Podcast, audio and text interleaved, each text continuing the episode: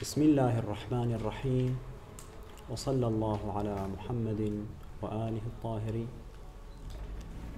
الأخبار والأنباء التي تردنا عن المؤمنين يمكن لنا أن نقسمها إلى صنفين.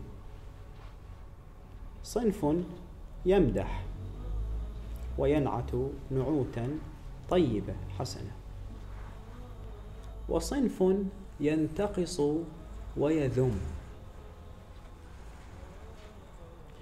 نحن في حالة التلقي كذلك على صنفين أو على نوعين.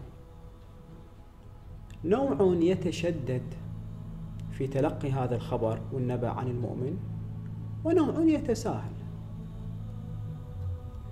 أما الأخبار التي تمدح المؤمن وتضفي له فضائل وكرامات فالقاعدة فيه أن نتساهل لأنه ما هو الضير أن تثبت فضيلة للمؤمن بما هو مؤمن.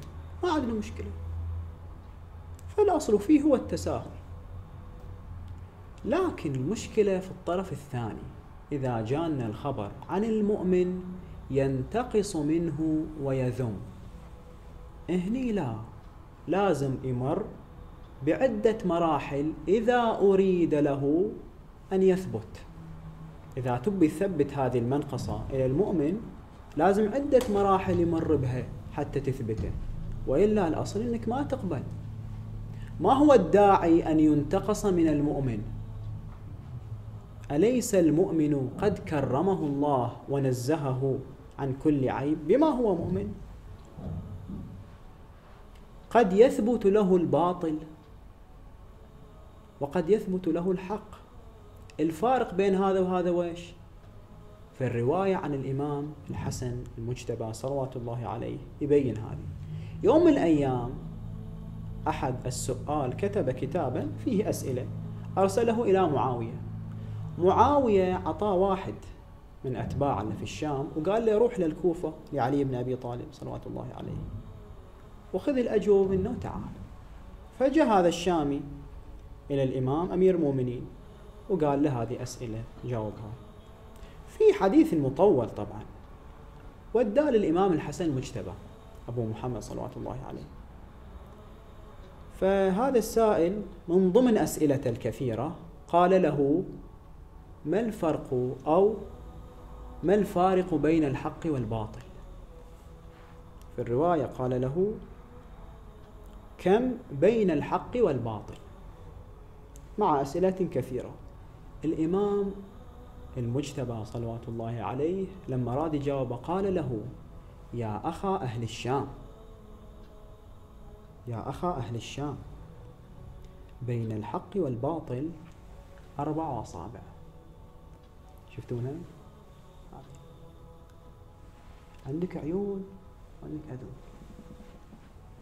العيون حق الأذون فيه باطل كثير.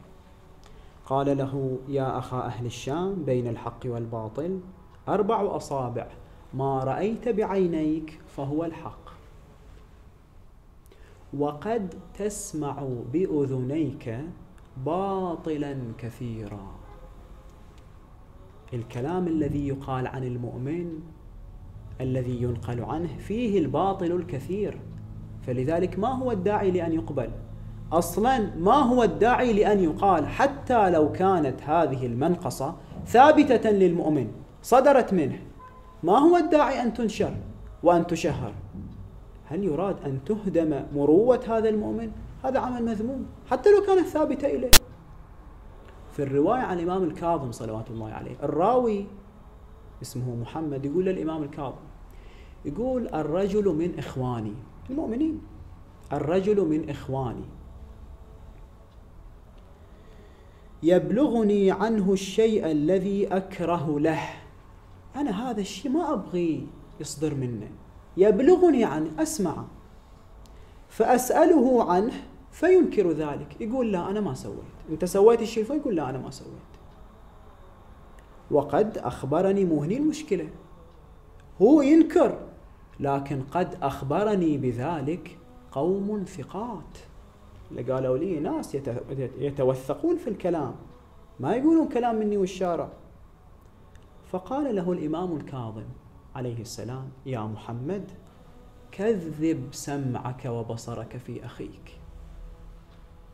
ثقات لو مو ثقات. كذب سمعك وبصرك في أخيك أو عن أخيك فإن شهد عندك خمسون قسامة.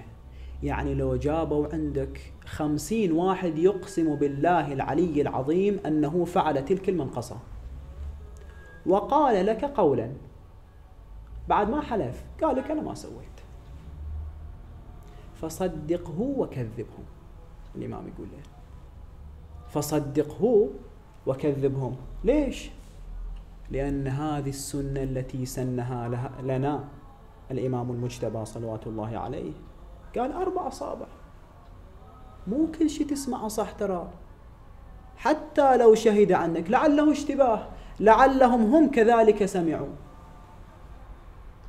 هذه المكرمة أو هذه الفضيلة التي يضفيها علينا الإمام السجى الإمام المجتبى صلوات الله عليه هي التي نراها في قول الشاعر يا ابن الكرام ألا تدنو؟ فتبصر ما قد حدثوك فما راء كمن سمع. والحمد لله رب العالمين.